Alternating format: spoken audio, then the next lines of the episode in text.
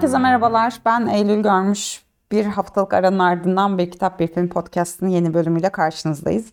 Geçen hafta çektiğimiz bölüm uzay boşluğunda kayboldu bir teknik problemden ötürü.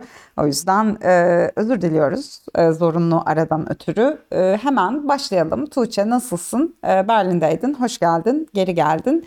E, neler izledin diye sorarak her zamanki gibi bu bölümü başlatabilirim. Merhabalar. Evet, geçtiğimiz bölüm ne yazık ki bir teknik e, azizliğe uğradı. Oysa ki çan sesleri eşliğinde çok güzel bir kayıt olmuştu. Ne yapalım kısmet değilmiş diyelim. İyi gayet güzel geçti. Seyahat uzundur bir yurt dışı seyahati etme, etmemiştim açıkçası. Çıkmamıştım bir seyahate Evet dünyayla da ilk kez oldu. O yüzden değişik bir deneyimdi. Ee, hani Berlin daha önce gezmiştim ama bir çocukla e, yurt dışı seyahati nasıl yapılır ilk kez deneyimlemiş oldum. Gayet keyifliydi, eğlenceliydi. E, derken bir film izledim geçtiğimiz hafta. E, bu da Seren Yüce'nin Rüzgarda Salınan Nilüferiydi. E, bu film yani aslında Seren Yüce'yi tabii çoğunlukla hepimiz e, çok sevdik. Çok bir sürü ödül aldı, çok konuşuldu ve o döneme çok çok konuşulan ve böyle iddialı bir genç yönetmen olarak zaten e, damgasını vurdu. E, bu da böyle 2016'da çektiği bir film aslında eski bir film ama benim ancak izleme fırsatım oldu. E, yine bildiği konudan giriyor aslında Seren Yüce. E, orta üst sınıfı anlatıyor. İlk filmde ailedeki bir ergenin üzerinden o aileye bakışını yansıtmıştı. Bu kez de bir çift üzerinden ve onların arkadaşlık ettiği bir başka çift üzerinden anlatıyor aslında. E, bildiği bir konu olduğunu tahmin ediyorum. Muhtemelen benzer bir aileden çıktığını düşünüyorum. E, bize de yakın e, izlemeyi hem sevdiğimiz e, hem de böyle yer yer e, yaklaşımı sorunlu bulduğum bir şey. Çünkü e, orta üst sınıfı anlatırken bizim yönetmenlerimiz ve yazarlarımız bazen şuna çok fazla yaslanıyorlar. İşte o hayatın e, sıkıcılığına, eleştirilerini sunarken de hep o böyle sıkıcılık üzerinden sunuyorlar. Ama aslında şöyle demek istiyorum ben yönetmene yani bazen o hayatın sıkıcılığından değil de e, filmin sıkıcılığı olabiliyor. E, bu filmi de açıkçası o anlamda birazcık sıkıcı buldum. E, birkaç şey okudum yayına girmeden önce filmle ilgili. E, böyle bir burjuvazi eleştirisi gibi bence filme fazla gelen yorumlar vardı. E, hani oradaki burjuvazi diyebilmek için bir kere biraz hani, e, hani sadece varlık açısından yaklaşmak değil, kültürel açıdan da yaklaşmak lazım. E, filmde hani bunu böyle hiç bence bunu gördüğümüz bir taraf yok. E, o yüzden hani evet yani o hayatı zaten iyi yapıyor yani Seren Yüce genel olarak iyi gözlemliyor. O gözlemlerini de güzel aktarmış ama onun üstüne e, pek bir şey koymuyor. E, o anlamda da filmi birazcık sıkıcı buldum diyerek sen izlemiş miydin bilmiyorum bu arada. İzlemedim ama yani bu kadar nazikçe gömülebilirdi. Gerçekten böyle şeyle dinledim hmm, falan diye çok kibar kibar. Ee, ya bu arada bu, bu çok tipik bir şey yani e, yazarın yönetmenin düşündüğünün ötesinde bir çerçeve çizmek esere. Yani çok acayip geliyor bana da e, övmeye çalışırken bunun yapılması. Bu sıkıcılık konusu da yani e, de, de, dediğin gibi e, şey çok doğru yani orta sınıf sıkıcı değil belki siz sıkıcısınızdır demek gerekiyor hakikaten bazen. Ya bu sıkıntı meselesi ben de zaten biliyorsun en büyük derdim bu yani ya bir taşra sıkıntısı ya bir orta sınıf sıkıntısı yani sıkıntısız hikaye neden anlatamıyoruz bizler? Gibi bir derdim var yani. Eğlenceli bir şey çok az çıkıyor bizden. Sulu olmayan e, eğlenceli şey. Yani edebiyatta da sinemada da böyle. Bu da beni biraz üzüyor açıkçası. İzlemedim. İz, izlemem de herhalde şu laflarından sonra. Neyse bilmiyorum ee, evet yine de teşekkür ediyoruz. Ee, bir başka bir filmin var mı? Bir de Richard'a gittin çünkü Berlin'e gitmeden. Bir de onu dinlemek istiyoruz. Film yoksa ona geçelim. Varsa film dizi evet. onu dinleyelim. Yok başka bir şey yok. Evet Richard'ı izledim. İyi hatırlattın şimdi. Ee, kapatmışım o sayfayı. Hatırlamak istememişim. Kapatmak ee, Evet Richard'ı evet. Richard'ı izledim e, gitmeden. Böyle büyük de bir heyecanla gittim açıkçası. Çünkü e, hem büyük bir yapım hem de böyle Okan Bayülgen'in e, tek başına gibi yani yansıttı, yazdı, yönetti e, ve bildiğimiz Shakespeare'in eserinden e, King Richard'dan uyarladığı e, bir eser. Bir serbest uyarlama aslında. E, ama yani yepyeni bir metin çıkmış ortaya. O yüzden çok heyecan vericiydi tiyatro festivali kapsamında da premier de e, o yüzden de çok kalabalıktı. Herkes de çok heyecanlıydı derken e, yani izlediğim şeyden e, hiç hoşlanmadım açıkçası. E, buraya ben yarısına çıktım bu arada. Çıkmak zorunda kaldım. Çünkü dünya uyumamıştı. Eve döndüm. Ama hani e, ya lanet olsun işte yarısında çıktım gibi bir hisle çıkmadım açıkçası. Yani böyle bir bahane oldu da çıktım gibi oldu. Normalde çıkmazdım, izlerdim tabii ama yani sıkılmaya devam edeceğimi tahmin ediyorum. O yüzden benim yorumlarım ilk yarısını içeriyor bu arada. E, uyarlamada şöyle sıkıntılar gördüm. E, Shakespeare zaten biliyorsun yani izlemek yer yer günümüz izleyicisi için zor bir deneyim olabilir. Başlı başına bir deneyim. Okan Bayülgen bu deneyimi yani oradan almış Shakespeare'in eserini e, bize e, izlemesi çok daha zor bir şey yaratmış ama bunu metinsel anlamda zor falan olarak söylemiyorum. E, teknik hataların olduğu, bence oyunculukların çoğunun yetersiz olduğu, Okan Bayülgen'in zaten hani televizyonda bile izlemesi bazen zorlayan üslubunun, e, abartılı üslubunun e, tiyatroda daha da bir abartıya kaçması sebebiyle e, izlemeyi iyice zorlaştıran e, bir oyun ortaya çıkmış. Tabii ki yani çok güzel dedikleri gibi çok şey büyük bir yapım, işte dekorlar vesaireler, sesler yani işte böyle sürekli bir canlı müzik var arkada, müzik çok etkin. E, bunların hepsi çok güzel detaylar. Türkiye sahnesinde e, görmekten de hoşlandığımız detaylar ama oyun akmıyor, gitmiyor ve e, bunu hani şey demek de doğru değil. Çünkü çıkarken böyle şeyler duydum. Bazı izleyiciler yani o kadar sindirilmişiz ki biz bu konuda ya herhalde bu şey oyun bana fazla geldi, bilemedim, anlayamadım falan diye. Hayır, böyle bir şey yok. Yani evet yani Shakespeare e, okumamış olabilirsiniz, bilmiyor olabilirsiniz ama bu oyunun e, kötülüğünün bununla alakası yok bence. E, diyerek daha ne kötü söyleyebilirdim zaten. Tuğçe bu hafta inanılmaz şey saçıyorsun gerçekten. Çok pozitif gördüm seni. Ee, ya ben oyunu izlemedim ama çok kötü eleştiriler ben de duydum. Yani herkes çok sıkıldığını falan e, söylemişti. Bilmiyorum belki ilk oyunların şeydir. En azından teknik tarafın muhtemelen düzeltildiğini tahmin ediyorum. Ama bu şeye ben de çok böyle şeyler de okudum. Ya işte Shakespeare okumadığınız için anlamadınız falan. Ya çok sinir oluyorum buna. Ya, ya bu kadar büyük bir prodüksiyonun kitlesi e, ülkede Shakespeare okumuş bir avuç insan olamaz, olmamalı. Eğer Shakespeare okumadığımız için anlamıyorsak da bir sorun var demektir. Prodüksiyonda bir sorun var demektir yani. Bir şekilde Shakespeare okumayanların da anlayacağı biçimde onu aktarmak gerekir. Yani dolayısıyla bu bir savunma olamaz. Yani ya da küçük bir şey yaparsın. E, kitlesi belli olur, hedefi belli olur, derdi belli olur. E, o yüzden yani bunu bunu bir savunma olarak kabul edemiyorum ben e, açıkçası. Neyse e, başka bize izlediğin bir şey var mı aktaracağın e, yoksa ben hiçbir şey izlemedim Zehra e, yine çok çalışmaktan. E, kitap bölümüne geçebiliriz. E, dünyanın kitabıyla başlayabilirsin eğer e, izlediğin bir şey yoksa. Başka bir şey izlemedim. Çok küçük bir şey söyleyeceğim ben de. Ya evet dediğin gibi Shakespeare e, okumamız gerekiyorsa o zaman yazsaydınız yani bilete lütfen bu şeyi metni okuyup gelin.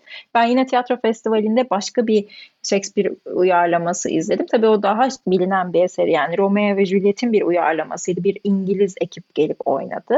Yani uyarlama izlemek istiyorsanız gidin e, onu izleyin mesela diyeceğim ve kapatacağım bu konuyu. E, Juliet ve Romeo muydu adı? Evet, ha, evet. E, söylemiştin. E, çok hoşuma gitmişti isim. O yüzden hatırlatmak ve vurgulamak istedim. Yani ismi bile ne çok şey söylüyor. Küçücük isim Aynen yer öyle. değişikliğiyle. Evet, kesinlikle öyle. Evet, ben bir şey okuyamadım tatilde. E, çünkü annelerin tatili malum.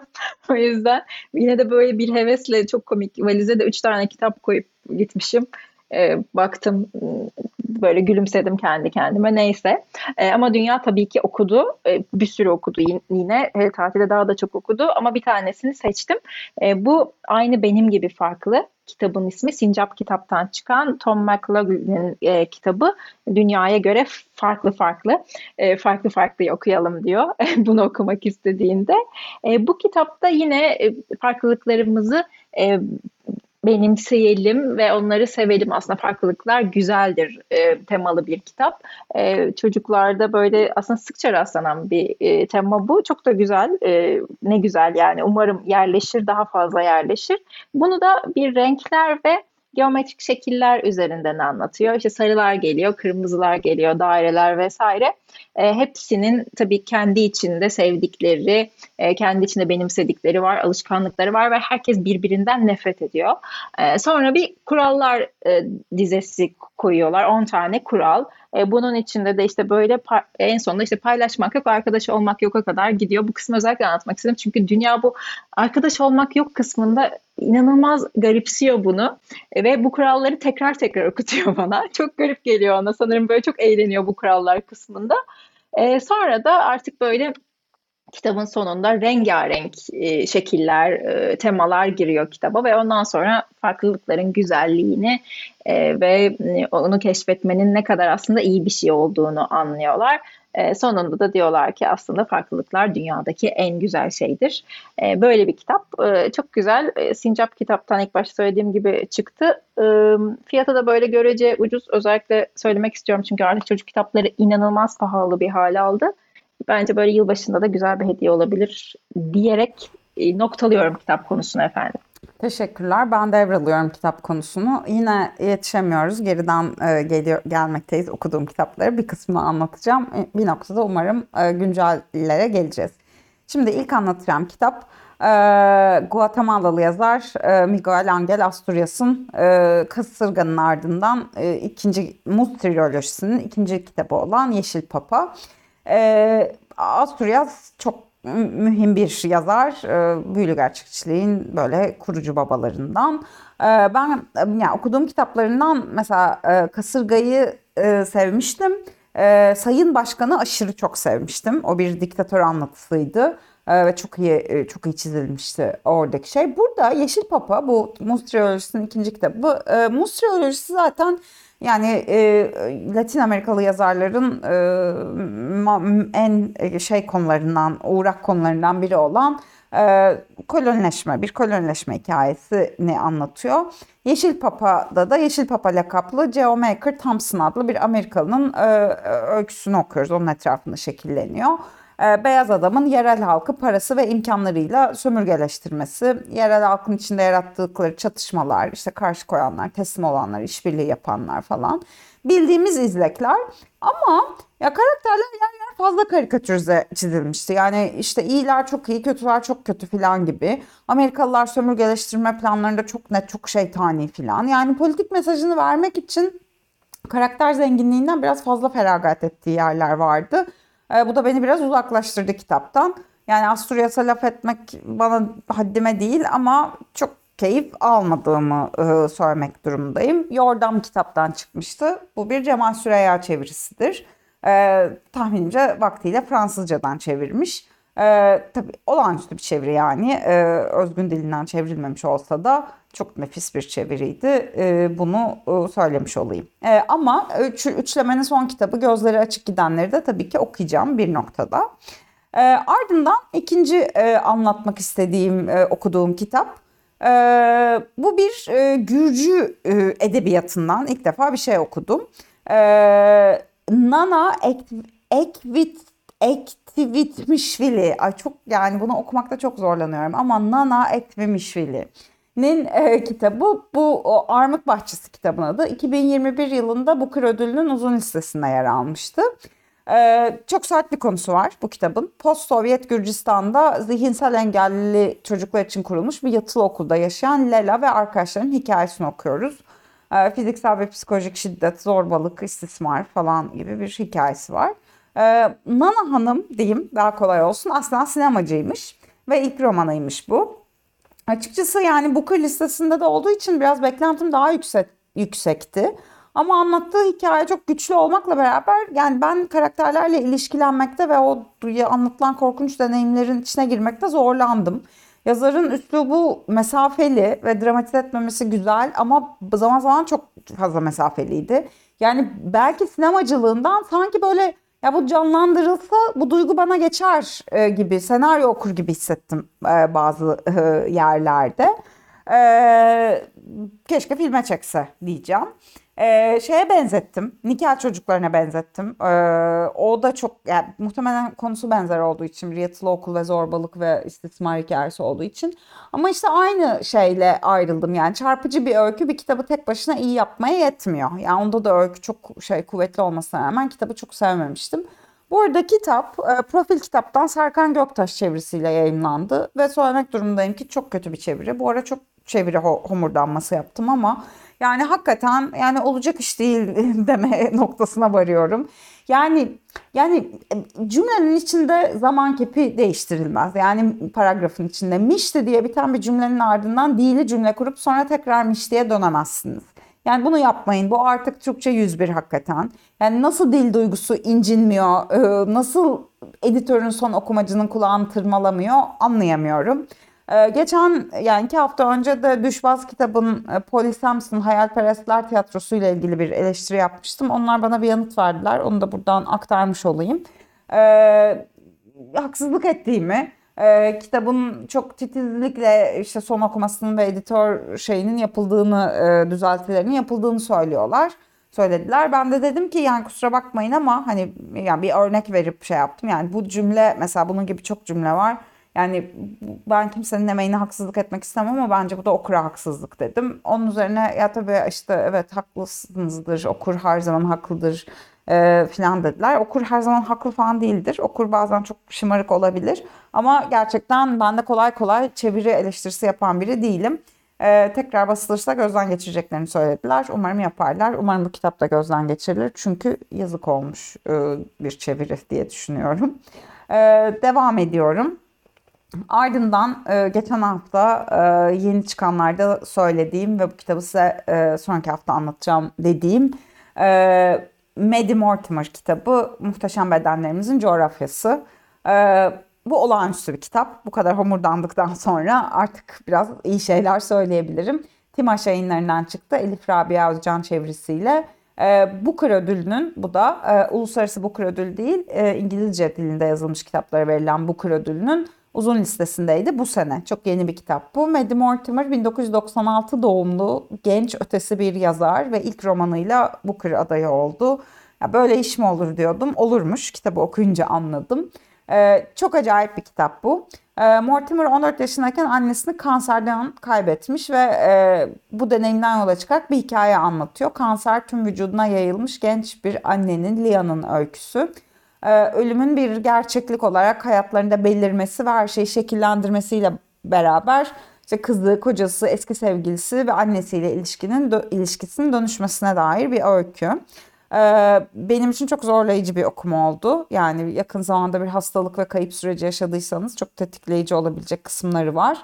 Ee, ölümden daha kötü bir şey varsa o da ölümün yaklaştığını bilmektir gibi bir cümle mesela. Beni çok zorladı ama çok çok kuvvetli bir metin. Çok da deneysel bir e, yazım tekniği var. Yani böyle e, zamanda ileri geri giderek anlatıyor. E, ama bir yandan da bir dış ses var. Hastalığın sesi. Ya o çok ürkütücüydü. Hastalık ve böyle bir tanrı sesi gibi bir ses. Zaman zaman böyle şimdi beynine doğru ilerliyorum. Şimdi de oraya yerleşmeyi deneyeceğim falan diyen acayip ürkütücü bir ses ve bu, bu ses çok acayipti. Ee, kitapta böyle büyüyen küçülen puntolar, sarmal şeklinde yazılmış kelimeler var. Bazı sayfaları böyle bir tipografik sanat eseri gibi. Ee, ama sonuçta yaşama, ölüme, sevme biçimlerine, aşka, anneliğe dair bu 25 yaşında bir yazardan beklenmeyecek derinlikte içgörüler sunuyor. Ee, beni çok etkiledi Muhteşem Bedenlerimizin Coğrafyası. Bence çok konuşulacak ve çok da büyük bir yazarın doğuşuna şahitlik ediyoruz diye düşünüyorum. Ee, bir de bu son olarak da e, Lawrence Durrell'in İngiliz yazar Durrell'in Kara Defterini okudum. E, bu da e, Püren Özgören çevirisiyle e, can yayınlarından çıkmıştı vaktiyle. Şu anda herhangi bir yerde bulmak zor ama İskenderiye dörtlüsünü bastıkları için tekrar Durrell basmaya başlayacaklarını düşünüyorum. E, bu kitap e, Durrell'in 24 yaşındayken yazdığı ilk kitabı yayınlatmayı da hiç düşünmemiş. Henry Miller'a gönderip okuyup düşünceni belirttikten sonra sen nehrine at bunu demiş. Miller de atmamış ve zorlamış yayınlanması için. Şaşırmadım. Tam onun e, isteyeceği, yayınlatacağı türde bir kitap. Acayip mahrem, e, böyle fanteziler, karanlık fanteziler, seks, sevişme, cinsellik, çok millerlik bir şey. Bu arada kitabın adı Black Book İngilizcesi. 1995'te dilimizde yayınlanırken kara kitap yerine kara defter demişler. Muhtemelen o sırada yeni çıkan Orhan Pamuk'un kara kitabıyla karışmasın diye olduğunu düşünüyorum. Çok komiğime gitti bu da böyle bir çeviri tercihi. Bunu da söylemiş olayım. Ee, ya bu kitap e, yani şöyle e, ya ben sekse, sevişmeye, birleşmeye dair iyi metinler okumayı çok severim. E, Carlos Fuentes'e selam vereyim bu noktada. Ama bu biraz fazla yani. E, hani böyle dağınık. Ya şöyle bir şey oluyor bence. Bu kadar yetenekli yazarlar ilk kitaplarında kendilerinde keşfettikleri yeteneğin heyecanıyla ne yapacaklarını bilemeyip kusuyorlar. Yani böyle zihinlerindeki her şeyi akıtmak ve böyle sarhoşluk yani kendi yeteneklerinden bir sarhoşluk olma hali bence. Sarhoş olma hali yani öyküyü kaçırıyor. Ya böyle süslüyor süslüyor süslüyor. Çok göz kamaştırıcı bir fantezi yazıyor. Ee, bence böyle bir durum olmuş. Zaten Durel de sonrasında ya, ün peşinde değildim kendi sesimi duymak bana yetmişti diye demiş bu kitapla ilgili. Tam olarak böyle yani. Ama yine de ileride nasıl bir büyük yazarın doğacağını görmek açısından heyecan vericiydi. Ee, yani kötü değil ama ham e, ve yer yerde banal olan bir kitap bence Kara Defter. Ee, ama bu bu büyük yazarı doğurduğu için ona şefkat duyabiliriz diye düşünüyorum. E, bu haftalık bu kadar olsun. Daha da var okuduklarım ama e, uzatmak istemiyorum. E, deyip e, tükettiklerimiz kısmını bitirip e, peki neler var sorusuna gelelim diyorum. E, vizyondur, dijital platformlardır, seyirlik neler var bize anlatır mısınız Tuğçe Hanım? Teşekkürler. Hemen anlatırım. Yaklaştık yavaş yavaş Eylül'ün izci okuduklarına e, dayanın dinleyiciler diyorum. Dayanın derken yani yetişmesi zor bir tempo gerçekten Eylül'ünki. E, ama e, epey yaklaştık Eylül değil mi artık? Önümüzdeki hafta yakalayacağımızı düşünüyorum yani. Ee, sanırım yakalayamayacağız Tuğçe'cim. Eğer geçen haftaki bölüm sonsuzluğa uçmasaydı yakalıyorduk ama maalesef bu hafta sonunu da oldukça çok okuyarak geçirdim. Özür diliyorum herkesten bu arada. Süper ya. Yani şey ben epey bir not aldım bu arada. Bu hafta özellikle e, hani röportaj haberini verebiliyor muyuz bu arada Eylül artık? E ver hadi. Sürpriz mi o konu? Yo söyleyebilirsin. Bu hafta çıkacağını Hadi hadi söyle. Söyleyeyim. Hadi hadi söyle. Ee, ya ben e, bu az önce övmelere doyamadığım Muhteşem Bedenlerimizin Coğrafyası'nın yazarı Maddie Mortimer'la bir röportaj yaptım. Ee, bu hafta K24'te, umuyorum bu hafta, aslında geçen hafta umuyorduk ama bir yayın akışı şey oldu. Bu hafta K24'te yayınlanacağını düşünüyorum. Ee, çok heyecanlıyım yani onunla konuşmak ve çok uzun, aşırı uzun ve karşılıklı böyle bir bir şekilde birbirimize temas ettiğimiz bir söyleşi oldu. Hem kitaba hem onun deneyimine hem biraz benim deneyimime sorularda oralara da girmiş bulundum dair e, bir röportaj oldu. Çok heyecanlıyım. Onun yayınlanmasını heyecanla bekliyorum. E, evet böylece de söylemiş oldum. Perşembe günü umuyorum K24'te yayınlanacak. Süper. Ben de çok merak ediyorum gerçekten. Çok genç bir yazar. Ee, Sen de çok e, övdün. Hem yani röportajın bir kısmını senden dinleme şansına sahip oldum şükür ki. Ee, o şanslardan biriydim. Gerçekten merak ediyorum. Perşembeyi merakla bekliyoruz. O zaman diyerek hızlıca e, başlayayım. Ne var? Netflix'te başlayayım. E, Küçük Kadınlar geldi Netflix'e. Greta Gerwig'in e, klasik yani bildiğimiz küçük kadınlardan, Little Women'dan uyarladığı, uyarladığı eseri Netflix Türkiye'nin kataloğuna eklendi. Çok da biliyorsunuz yani mükemmel bir kadrosu var. Böyle Emma Watson, Florence Pugh, Laura Dern, işte Saoirse Ronan, e, Timothée Chalamet zaten onsuz bir şey yapmıyor artık. E, derken çok güzel bir kadro. Ben izlememiştim e, bu arada e, 2019'da çıktığında. E, ben de çok merak ediyorum, izleyeceğim. E, yönetmeni de seviyorum zaten. E, kendisi Noah Baumbach'ın şey e, eşi oluyor bu arada. E, onu da belirtmiş olalım. E, çok bahsettik yönetmenden. E, The Swimmers var. Diğer tarafta bu Suriyeli mülteci ve e, olimpik yüzücü e, Yusra Mardini'nin hikayesini anlatan bir biyografi aslında. E, o da Netflix'e geldi. E, bu da e, 2016 Rio Olimpiyatlarına uzanan bu iki yüzücü kız kardeşin e, hikayesini anlatıyor. Çok etkili bir hikaye, etkileyici bir hikaye. Bunu da izlemenizi tavsiye ederim. E, Stats geldi yine Netflix'e. E, bu da daha çok hani oyunculuğuyla tanıdığımız e, Jonah Hill'ı yönetmenlik koltuğunda izleyeceğiz e, bu kez. E, burada da Hill'ın terapisti e, Phil Stats'la olan bir aslında e, ikisinin arasında geçen diyaloglara dayanan bir hikaye. E, ama bir yani terapilerine dayandığı için, terapistiyle arasında geçen diyaloglara dayandığı için e, ilginç bir deneyim olduğuna dair şeyler okudum, e, yazılar okudum. O yüzden ben merak ediyorum. E, kendi listeme listeme aldım. Size de bahsetmek istedim. E, Wednesday'e geldi. Bir de yine Netflix'e bu hafta epey bir şey gelmiş. E, bu The Addams ailesinden bildiğimiz Wednesday, e, orada oranın bir ferdi olan, e, ona özel bir e, dizi yapmışlar. Onun hikayesine odaklanan ve böyle çok da iyi bir kadrosu var.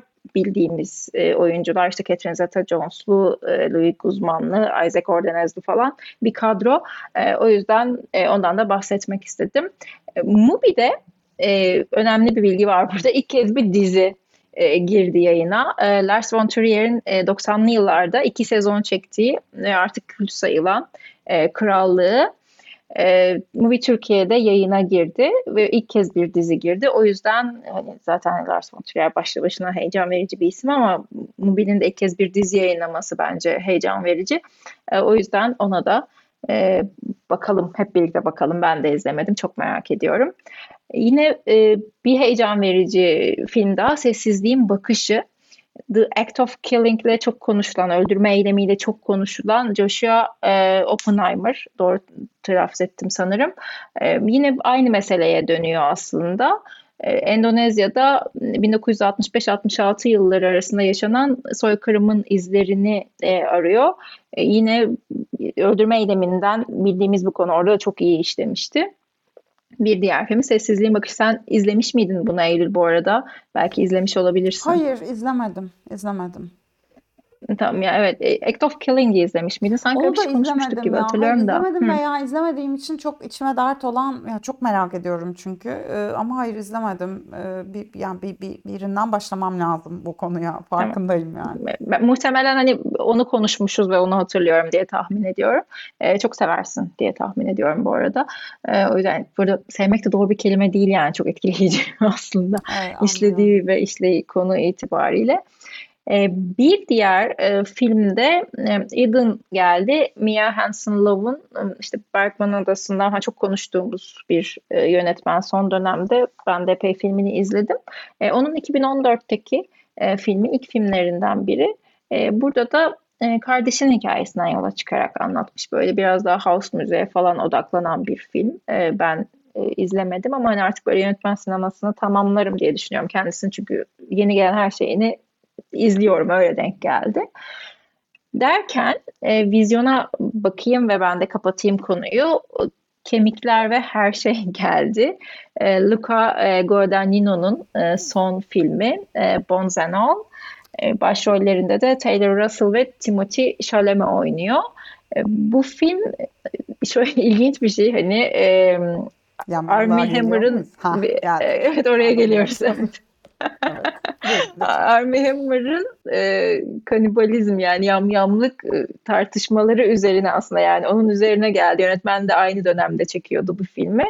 E, ve tabii hani onun oyuncusu sayılıyor artık Armie Hammer. Birlikte başka bir projede de çalışacaklardı yine derken e, çok üst üste geldi. Hatta şey çok konuşuldu yani işte yönetmen acaba Armie Hammer'ın hikayesinden mi esinlendi? Tabii böyle bir şey kabul etmemiş ki zaten hani kitap uyarlaması bu arada e, film.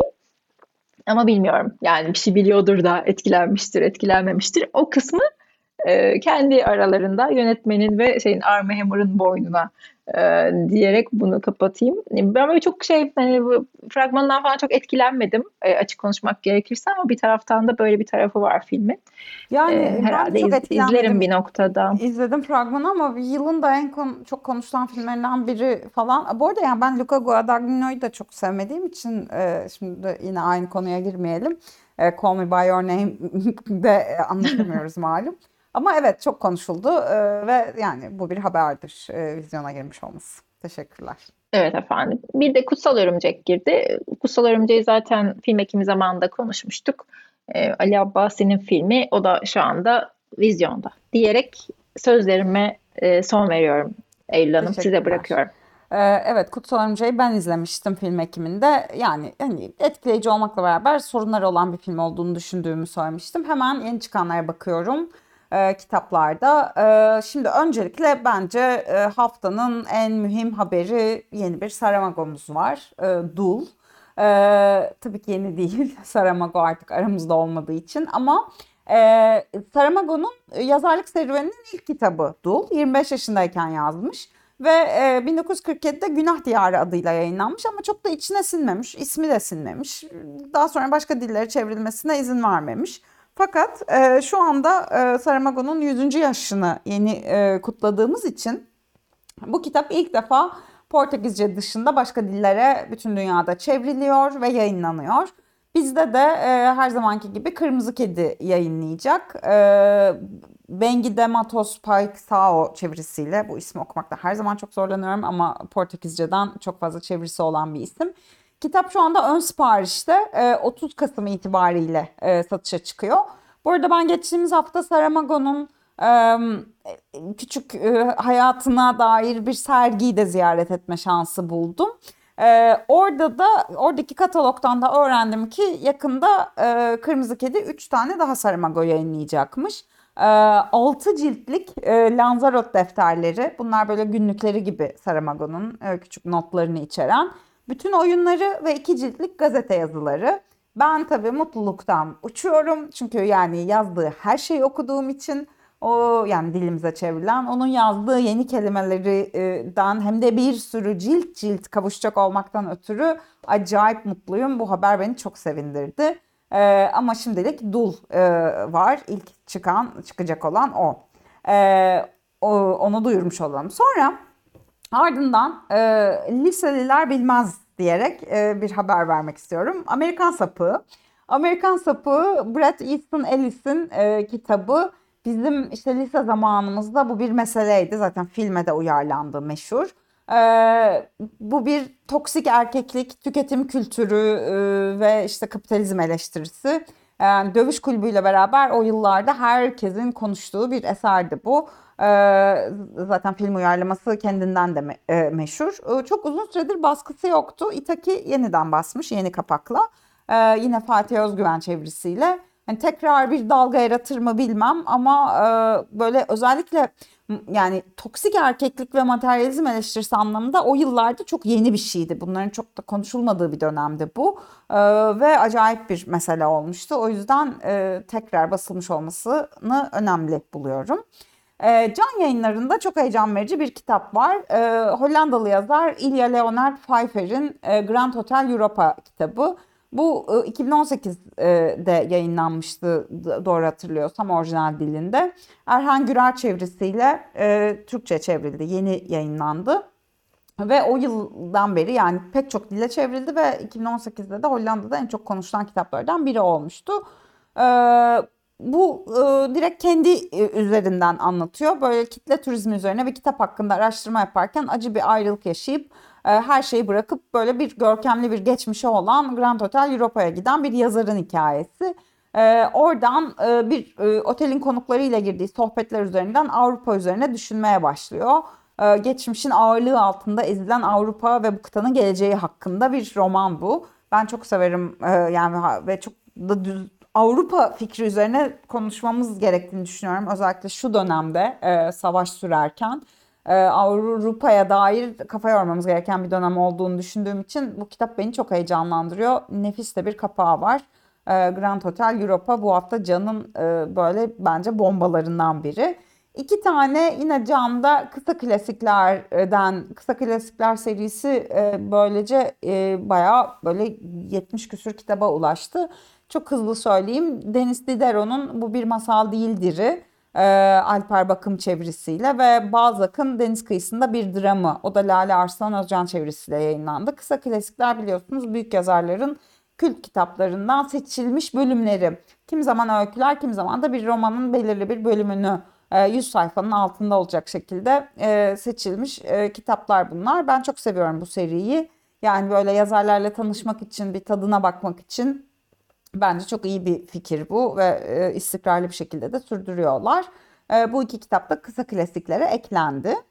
E, ardından e, şeye bakalım. E, Siyah Kitap'ta, e, Siyah Kitap'ta çok iyi kitaplar yayınlıyor bu arada. Daha çok bakmamız gerektiğini düşünüyorum.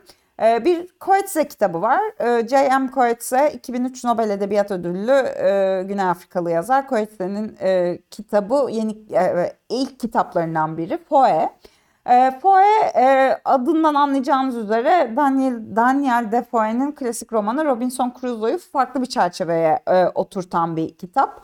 E, deniz kazası sonucu 18. yüzyıl başlarında adaya ıssız bir adaya düşen bir kadının orada Robinson Crusoe ve Cuma ile karşılaşması üzerinden bir öykü kuruyor. E, Coetzee böyle klasik yazarların e, fikirlerini ve eserlerini alıp didik, değiştirmeyi seven biri. Dostoyevski ile de böyle bir takıntılı ilişkisi var. Bu sefer de Defoe'ye bulaşmış.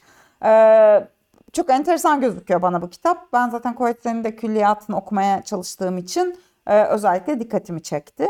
E, Siyah kitapta yine bir başka kitap var. Bundan sonra artık kurguyu geçip biraz deneme, birkaç tane denemeye e, anlatacağım. E, Musil'in e, Niteliksiz Adam'la hepimizin tanıdığı Musil'in Avusturyalı büyük yazar e, ahmaklık üzerine kitabı. E, bu da böyle ahmaklığa dair küçük bir deneme. E, ahmaklık üzerine konuşacaksak ahmak olmadığımızı varsayıyoruz ama böyle bir iddiada bulunabilir miyiz gibi bir soru üzerinden e, konuşan bir kitap. E, böyle 68 sayfalık bir minik e, kitap. Bu İlknur Özdemir çevirisiyle yayınlandı. Hani Musil'e başla Musil çok zor bir yazar çünkü. Belki başlamak için ilginç olabilir diye düşünüyorum. Epsilon'dan e, bu kitabı çok heyecanla bekliyorum. Çok yeni çıktı. Asuman Kafaoğlu Büke'nin kitabı e, Tablodaki Kadın diye bir kitap. Sanat tarihinin kitap tutkunu kadınları diye bir şey. E, kitap, bir alt metni olan bir kitap e, tablolarda kitap okurken resmedilen kadınların hikayelerini anlatıyor. Yani nefis bence. E, ve bir yani Türkiye'den böyle bir çalışmanın çıkmış olması da ne kadar hoş bir şey. E, kadın ve kitap arasındaki özel bağı inceleyen yani ressamların da kitap okuyan kadınları resmetmeyi neden sevdiklerine dair soru bu sorunun da yanıtını arayan bir kitap e, tablodaki kadın Epsilon'dan bu hafta çıktı. E, ben bunu hemen okumayı arzu ediyorum. E, Everest'te bir Adonis var. E, kitap, hitap, hakikat. Adonis adıyla bildiğimiz e, Ali Ahmet Said'in Arap şair ve düşünür. E, onun bir e, deneme e, kitabı bu.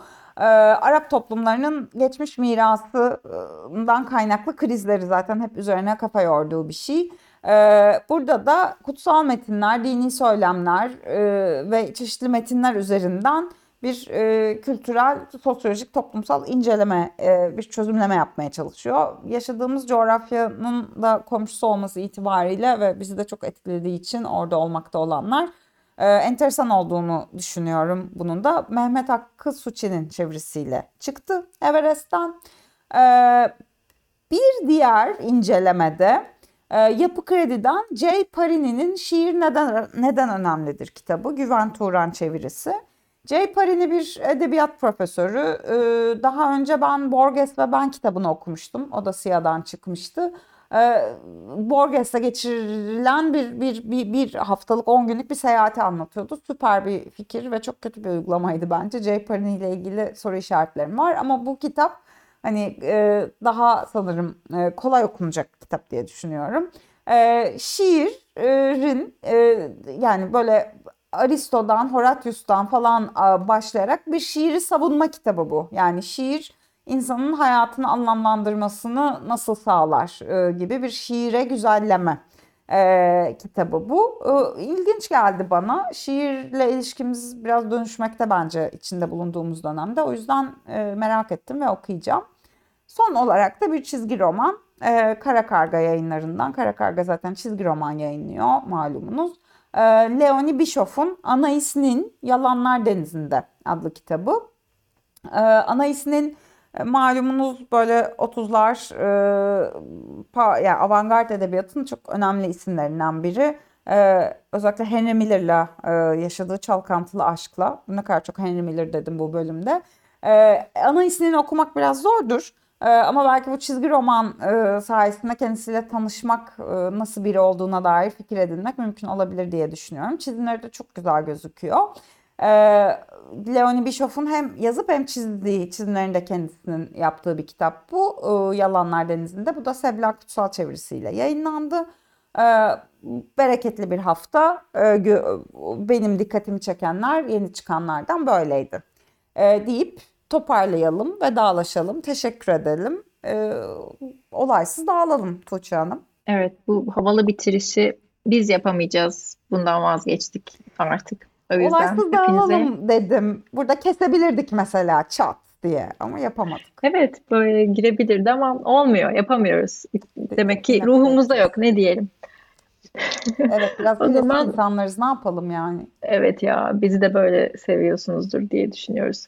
O zaman herkese iyi haftalar diliyoruz. Önümüzdeki haftalarda yeni seyahatlerimiz var ama şimdiden söz verelim. Ee, hiç ara vermeyeceğiz uzunca bir süre. Evet. Ee, sizi bizsiz bırakmayacağız falan. Kimsenin böyle bir talebi yokmuş ama kendi Acayip gelmeni çok havaya girmişler. açıklamalar. Tamam burada keselim Tuğçe bak. Havalı olalım derken gitgide daha da şey oluyor. Gidiyor gidiyor evet. Teşekkürler. Herkese iyi haftalar. Teşekkürler. Teşekkürler.